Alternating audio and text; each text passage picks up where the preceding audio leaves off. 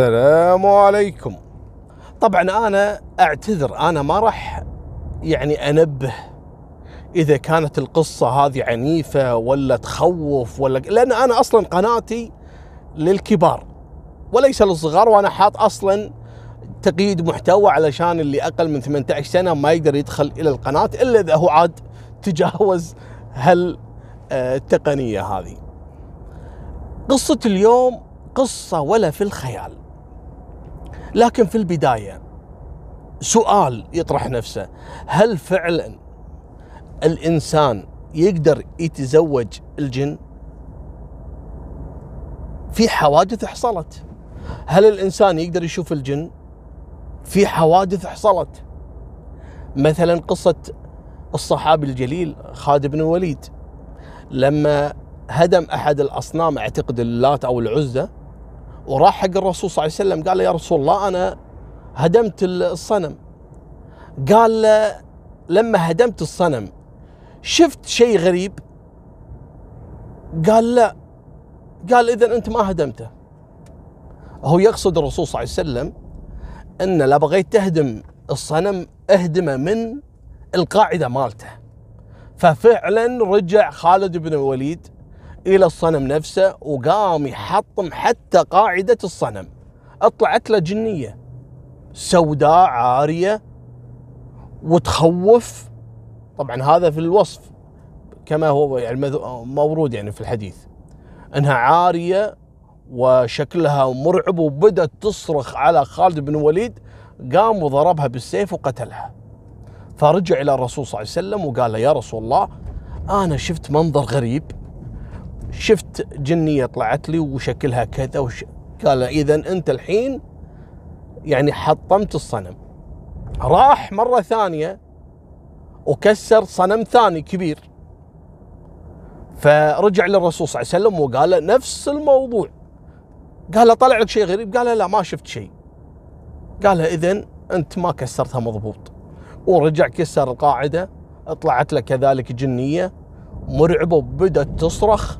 إلا أن خالد بن وليد ضربها بالسيف وقتلها. اذا الإنسان يشوف الجن في بعض الحالات طبعا مو كل ممكن. زين في حادثة أغرب من الخيال ذكرها صحابي جليل للرسول صلى الله عليه وسلم وهو الصحابي مرداس الدوسي مرداس الدوسي هذا كان قاعد مع الرسول صلى الله عليه وسلم والصحابة ويسولفون عن أغرب يعني الأحداث اللي حصلت أيام الجاهلية وموضوع الكهنة وموضوع السحر والجن وكذا قاعد يذكرون يعني ببعض المواقف. فقال يا رسول الله آه إحنا يعني في قبيلتنا اللي هو الدوس حصلت واقعة غريبة جدا. يسمونها الخلصة أو ذو الخلصة أو ذي الخلصة. الخلصة هذه شنو؟ الخلصة هذه صنم كانوا يعبدونه أيام الجاهلية. منهم قبيلة دوس. كانوا يعبدون هالصنم هذا. وكان له قصة. ليش كانوا يعبدونه؟ لأن له قصة غريبة. وقالها مرداس الدوسي حق الرسول صلى الله عليه وسلم. قال يا رسول الله كانت عندنا جارية اسمها خلصة. هالجارية هذه إحنا كنا نحترمها ونحبها لأنها يعني محترمة محافظة على نفسها وما عندها يعني آه، أي سلوكيات سيئة. لكن يوم من الأيام جتنا وهي تصرخ ومرعوبة وقالت يعني أنتم سمعتوا عني يوم من الأيام شيء سيء أو عن أخلاقي؟ قالوا لا والله بالعكس. قالت أنا حصل معي يعني حادثة غريبة جدا. قالوا لها إيش فيك؟ شو اللي حصل معاك؟ قالت أنا كنت أرعى في الغنم. في وسط البر شوي وتجيني ظلمة ظلام. كأن يعني مثل الشبح أسود هي اللي تقصدها يعني. ف مسك فيني. ونام معاي كما ينام الزوج مع زوجته. مثل ما ذكرها مرداس الدوسي للرسول صلى الله عليه وسلم. فتقول لهم تقول حق قبيلة الدوس تقول لهم يعني نام معاي وأنا أحس إني آه، ممكن إني أحمل منه. هم في البداية ما صدقوها. قالوا له أنت يعني تخرفين ولا صار في عقلك لوثة ولا شنو قصتك ولا بسبة وجودك في البر دائما وحيدة يخليك توهمين كثير يعني. قالت لا مستحيل أنا اللي حسيت فيه شيء طبيعي يعني شيء ملموس ما هو خيال فقط لا. قالوا لها زين زين. بعد كم يوم وفعلا تبدأ عليها أعراض الحمل بعد شهر شهرين بدأت بطنها تنتفخ بعد تسعة أشهر ولدت. وتجيب ولد شكله غريب هم لو إنهم ما شافوا هالولد اللي شكله غريب. كان قالوا هذه كذابة و... وكان لها علاقة وجابت ولد. لا لكن الولد هذا فعلا تأكدوا إن هذا من الجن أو انه يكون مثلا أبوه جني وأمه إنسية. ليش؟ الولد شكله يخوف. اذونه أذون كلب. طبعا اللي يسولف الحين منو؟ مرداس الصحابي الجليل حق الرسول صلى الله عليه وسلم يقول القصة. والرسول استمع للقصة. فقال يا رسول الله الرجل هذا أصبح يعني شكله مرعب حق أهل القرية لكن كان يعيش يعني وحيد مع أمه في الجبل. وهذا الجبل إلى الآن موجود في منطقة تباله في آه، عسير السعودية المملكة العربية السعودية. فهذا الولد عاش وحيد لأنه شكله مرعب والناس قامت تخاف انها تقرب منه. كبر الولد وهو وحيد لكن الولد بدأ يحصل معاه شغلات غريبة. طبعا أمه ماتت اللي هي منو؟ خلصة. ماتت وكانت بانية له نفس الغرفة من الحجارة فوق الجبل عند في منطقة تبالة. وعاش فيها ولدها بعد ما توفت أمه. المهم يوم من الأيام ويجيهم الولد هذا وهو يصرخ وهم خايفين منه. يعني متوجسين منه لكن يعني متقبلينه شوي. خلاص سنين وهم يشوفونه. قال لهم الحقوا ترى جايينكم القوم الحين يبي يغزونكم. قالوا له من هالقوم؟ قالوا اسمعوا مني والله العظيم لا يقطعونكم. فعلا كانت في قبيلة جاية تبي تغزيهم. قالوا له زين انت إيش دراك؟ هم جاي لأنهم أرسلوا اللي هم الأعين أو الناس اللي تستطلع وفعلا ولا هذا الجيش الجرار اللي جايهم. قالوا له أنت إيش دراك؟ هذول على بعد عشرة أيام يعني. أنت إيش دراك إنهم موجودين؟ قال أنتم مالكم شغل. قالوا له زين الحين دبرة شنو؟ شنو تصرف؟ قال جيبوا لي وحدة آه تكون عليها الطمث وتخلونها عارية وصعدوها فوق الجبل. يوم جابوا له البنت ويقول لها قوم اركضي وتوجهي نها يعني جهة هالجيش هذا اللي جاي. وفعلا توجهت للجيش وهذول بدأوا الحرب وينتصرون انتصار ساحق على الجيش اللي جايهم. استغربوا! شلون قدروا عليهم ما هم عارفين. لكن قالوا هذا كاهن وهذا ساحر وهذا لأن أبوه جني ساعدنا. وانشهر هذا جبل أو بيت أو صنم ذو الخلصة.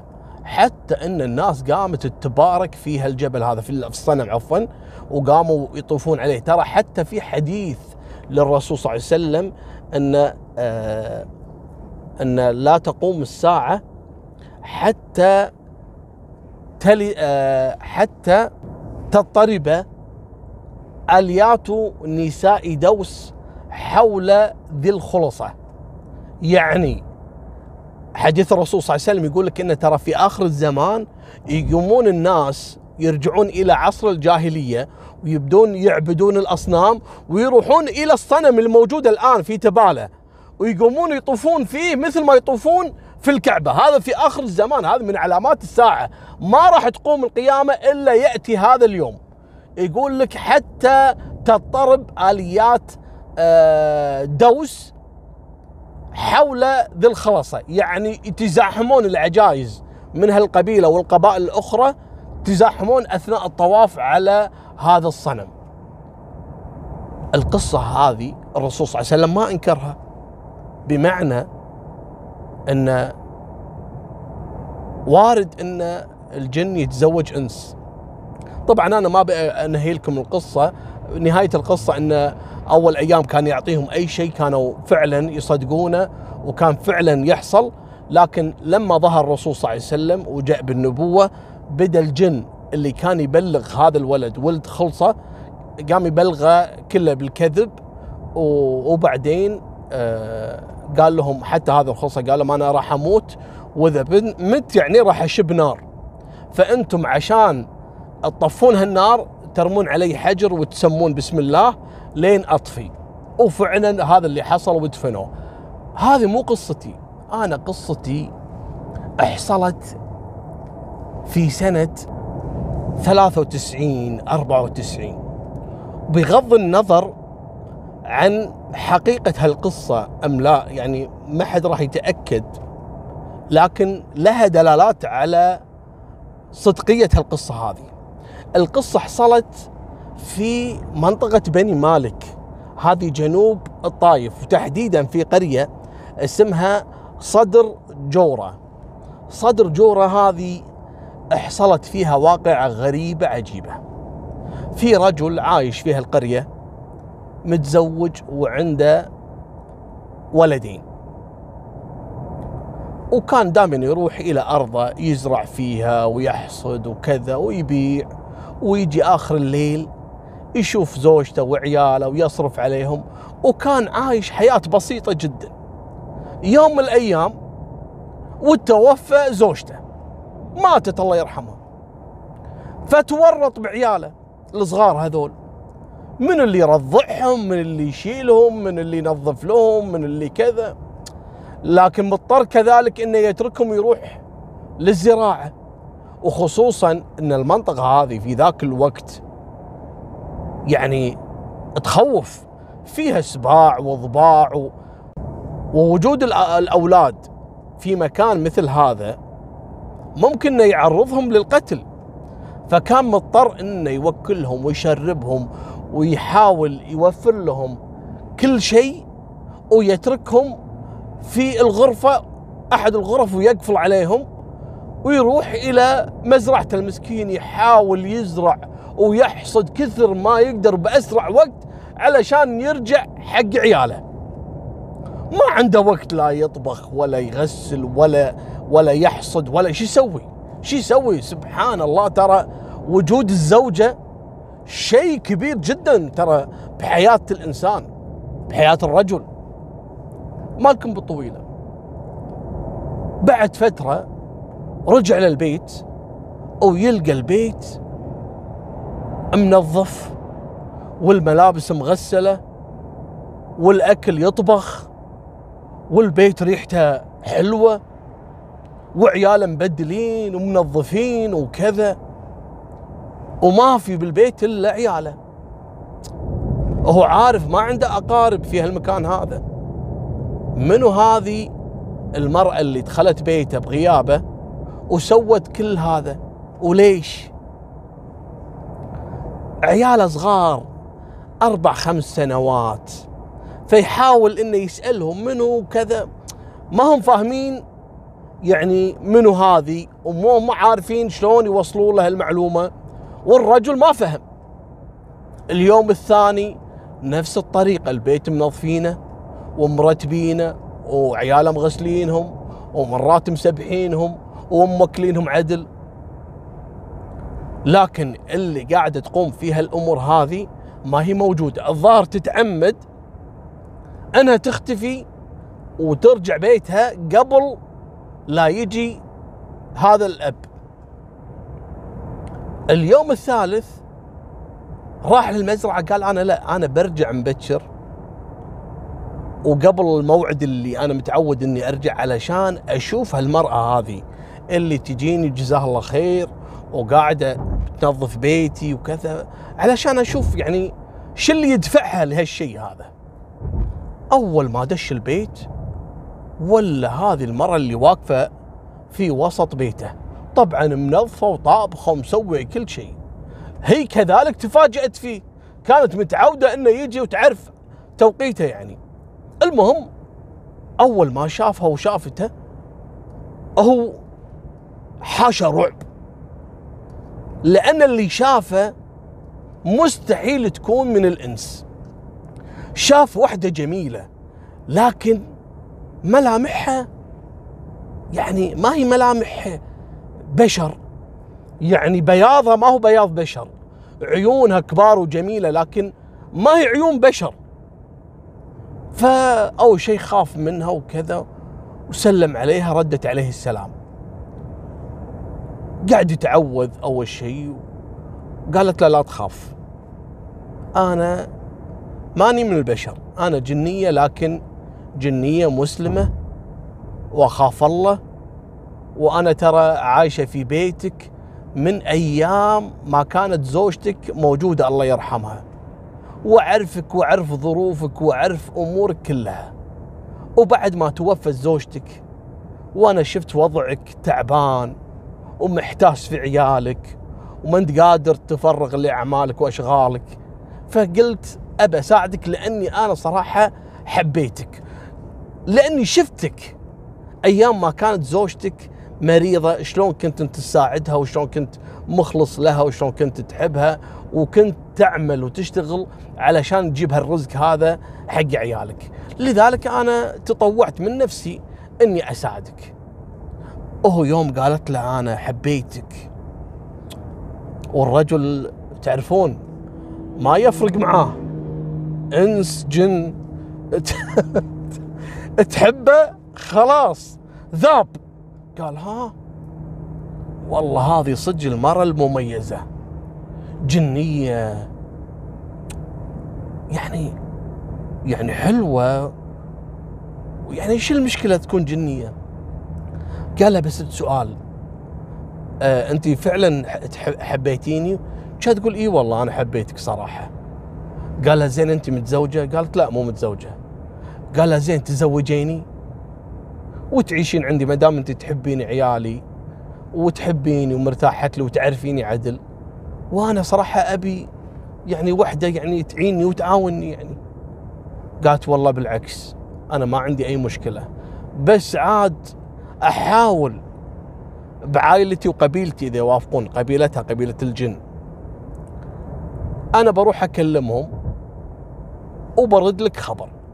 قال لها يا ريت. طبعا ذيك الليلة ما نام.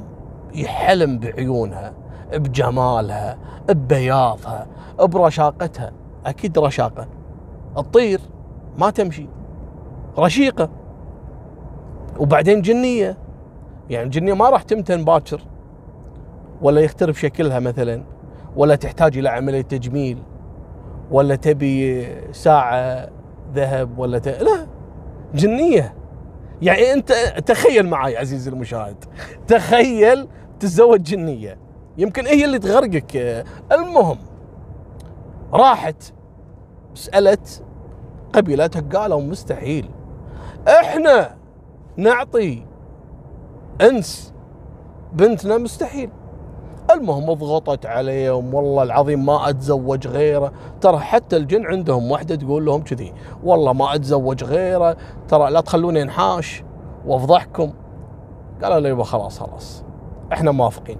لكن عندنا شروط وبلغ الشروط هذه حق هالرجل. وفعلا راحت للرجل وقالت له يبا وافقوا طلعت الروح. بس ترى في شرطين. لازم تنفذهم. قال أفا عليك أنت بس قولي لي إيش تبين. قال شوف أول شرط بيتك حوالين بيتك علشان يجون قبيلتي ونكتب الكتاب والزواج ويتم الفرح عشان يجون لازم ما تخلي ولا قط ولا كلب ولا أي حيوان جارح أو يعني من الحيوانات يعني مثلا الحمير أو الكلاب والقطط وأي حيوان مفترس تبعدهم عن المنطقة اللي فيها بيتك. ماشي؟ قال ماشي. هذه سهلة. والثانية قال الثانية در بالك إنك تتبعهم. يعني إذا مشوا لا تمشي وراهم. ابدا. قال تم. أنا موافق. متى؟ بكرة الليلة عندك. قال أنا موافق. وفعلا ويقوم هالرجل هذا ما خلى قط ولا كلب ولا أي حيوان مفترس قام يشغل عليهم هال السلاح اللي عنده ذبح القطاوة والكلاب اللي حوالين بيته كلهم. وأبعد جميع الحيوانات المفترسة. ويجون القبيلة. يوم جو هو يسولف طبعا أن لما حس بجيتهم ويطالع ولا مثل الغبرة السوداء اللي جايتني من بعيد جاية نازلة من صوب الجبل وريح قوية شوي يوم قربوا وتصير مثل العاصفة. اصراخ اصراخ اصراخ يجي من كل صوب الرجال خايف.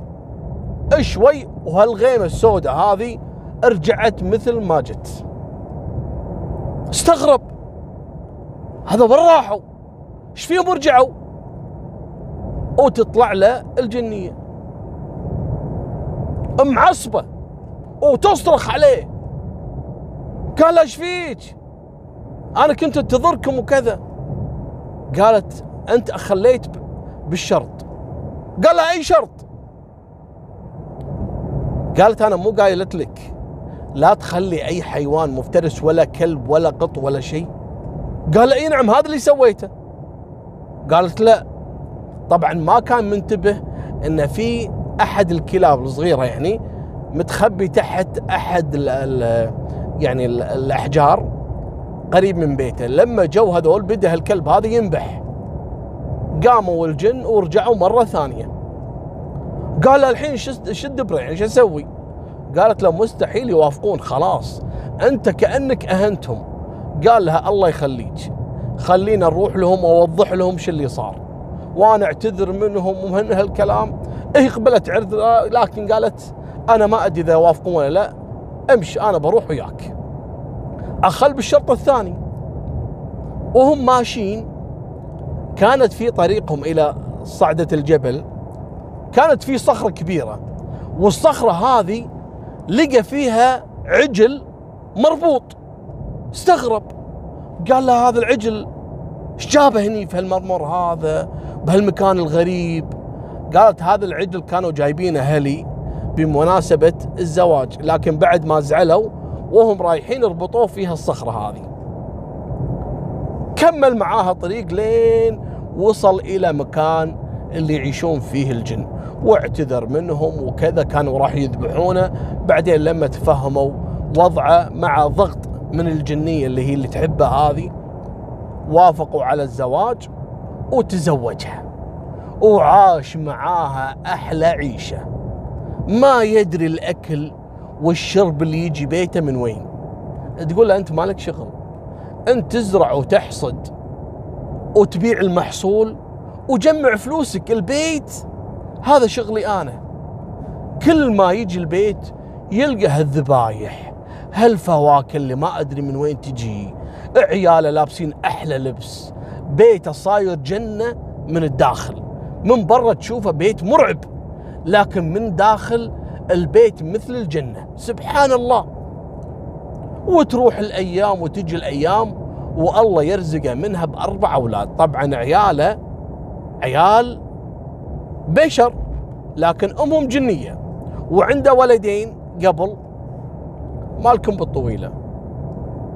وتجي عليهم سنة اللي هي مثل الأمراض والطاعون وكذا ويموتون أول ولدين اللي هم عياله الأولانيين. من زوجته البشرية. وبعدها فترة ويموتون ثلاثة من عيالة من الجنية. وبعدها وتموت الجنية.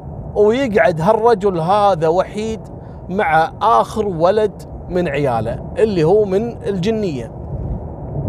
ويقعد سبحان الله خلاص رد حياته من أول تعيس وما رضى يتزوج من بعد هالجنية. ما قدر يعيش خلاص. يعني يقول مستحيل في واحدة من البشر يعني تجي في مكان هالجنية هذه اللي خلتني أعيش أحلى عيشة في حياتي. مالكم بالطويلة ويجيه يوم ويتوفى الرجل وهو يقعد ولده اللي من أب بشري ومن أم جنية عاش بروحه في هالبيت إلى أن كبر.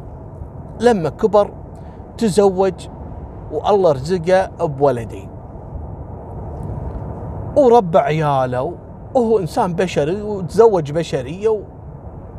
ونست السالفة. طبعا لما كبروا عياله سولف لهم السالفة. قال لهم أبوي تزوج جنية وقصة كذا. أنا أمي جنية يعني جدتكم جنية وأبوي بشري وقصتنا كذا كذا كذا كذا. حتى لما مرضوا عياله إيش كان يسوي؟ كان يروح إلى الصخرة اللي أرشده عليها أبوه اللي كان مربوط فيها العجل وكان يتبارك فيها الصخرة. طبعا كله هذا خزعبلات يعني اللي هي التبارك في الصخر وكذا والحجر. لكن يتذكر إن هذا الجن كانوا يربطون فيها العجل فكان يحط فيها السمن والعسل ويحط فيها مثلا مرات اللي هو دهن العود يتبارك علشان أولده انه يحافظون عليه لين كبر. وقال حق عياله القصة بالكامل. يوم من الأيام أو يختفي الأب. ويقعدون عياله الاثنين هذول يدورون عليه. طبعا عياله كبروا وصار أعمارهم ب 16 17 سنة وصاروا يوعون يعني. أبوهم اختفى وين اختفى؟ ما هم عارفين يقلبوا عليه الدنيا. أول أيام كانوا يعتقدون إنه اختفى يعني رايح شغل معين مسافر ما قال لهم. لكن بعد ما طول بدأوا يبحثون وبدأوا يقلبون التاريخ والماضي إن أبوهم هذا يعني أمة جنية. ممكن الجن له علاقة فقاموا يروحون عند الصخرة ويدورون على أبوهم يروحون للجبل يدورون على خوال أبوهم بدون أي فايدة.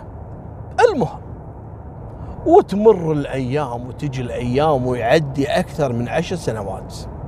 يوم الأيام ويلتقون في أحد رجال الدين. وهذا من جيل أبوهم اللي اختفى. ويسولفون معاه وكذا قال لهم أنتم عيال فلان؟ قالوا إي نعم. قال أبوكم هذا إنسان طيب وأخلاق وقعد يمدح في أبوهم مدح. قالوا له الله يخليك. لا تذكرنا بأبونا يعني إحنا فاقدينه صار لنا عشر سنوات ومتضايقين عليه فلا تقلب علينا المواجع قال لهم ليش؟ قال يبا اختفى من عشر سنوات. شلون اختفى؟ وين راح؟ وين كذا؟ قالوا هذا اللي حصل. بيوم وليلة اختفى. قالوا يبا شوفوا أنا بنصحكم في واحد عنده خبرة ومر عليه قصص الجن وقصص علاقة الجن بالبشر وزواج بين البشر والجن. روحوا له هذا يعيش في أعلى جبل يعني له اسم وفعلا يروحون لهالجبل ويدخلون على هالشايب قال لهم والله أنا ما أقدر أساعدكم لكن في واحد في اليمن وهذا يعني بصار ساحر. أعوذ بالله من هالسحرة ومن كفرهم. فقال روحوا له وممكن يساعدكم لأن هذا له علاقة مع الجن ومع المرده من الجن. وفعلا يروحون لليمن إلى هالجبل هذا ويلتقون فيه الساحر. قال لهم يا أهلا وسهلا. أنتم أول شيء عيال فلان فلاني قالوا له أنت إيش دراك؟ قال هذا كثير ما يسولفوا لي عن الجن. إن في واحد إلى الآن معتقلينه من عشر سنوات. قالوا اي عليك نور. صح أبونا صار له عشر سنوات مختفي. قال ترى هذا أبوكم وحسب ما وصلني إن اللي خاطفينه خواله وكانوا خواله ينتظرون لين عياله اللي هم أنتم تكبرون يقومون يخطفونه لأن هذا ولدهم وما يبونه يتكاثر أو انه يعني يقوم بكرة يفتح مجال ويخلي الناس تعرف انه يقدر شلون يتزوج من الجنية والجنية تتزوج من البشر.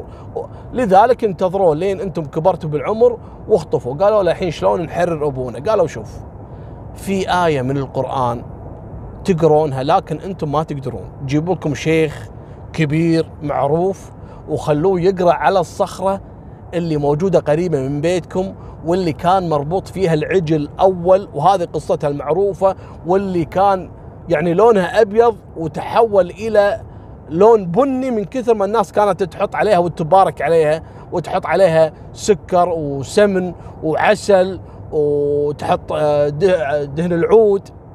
هذه الصخرة. أبوكم مسجون داخلها. إذا قرأ عليها الشيخ وبصوت عالي راح يطلعوا له جنيين كبار. وهذول مفتولين العضلات ويخوفون وراح يشوفهم ماسكين كل واحد فيهم ماسك أبوكم من كتف الثاني. إذا قرأ بصوت عالي وبقوة راح يحررونه. طبعا العيال هذول رجعوا لبلدهم وحاولوا يدورون راحوا إلى شيخ دين. قال لهم يا عيالي هذا كله كلام فاضي وهذاك الساحر كذاب وصدقوني إن هذا كله من الخرافات وإن أبوكم يمكن حصل عليه شيء ومات الله يرحمه. اتركوا هالموضوع. قالوا له الله يخليك جرب. قال مستحيل أنا أصدق ساحر. أنا أعتذر. وفعلا ويقول لك عياله واحد فيهم إلى الآن موجود وعايش وحاشه جنون من كثر ما كان يفكر في أبوه. ولا يزال هالولد هذا يعني المجنون يمشي في سوق يسمونه سوق صيادة في بني مالك اللي هي في جنوب الطائف اللي هذا أبوه خواله من الجن. عاد أنتم لكم الحكم في هالقصة هذه والقصص اللي مثل هذه كثيرة لكن الله أعلم. هذه نهاية سالفتنا وفمان الله مع السلامة.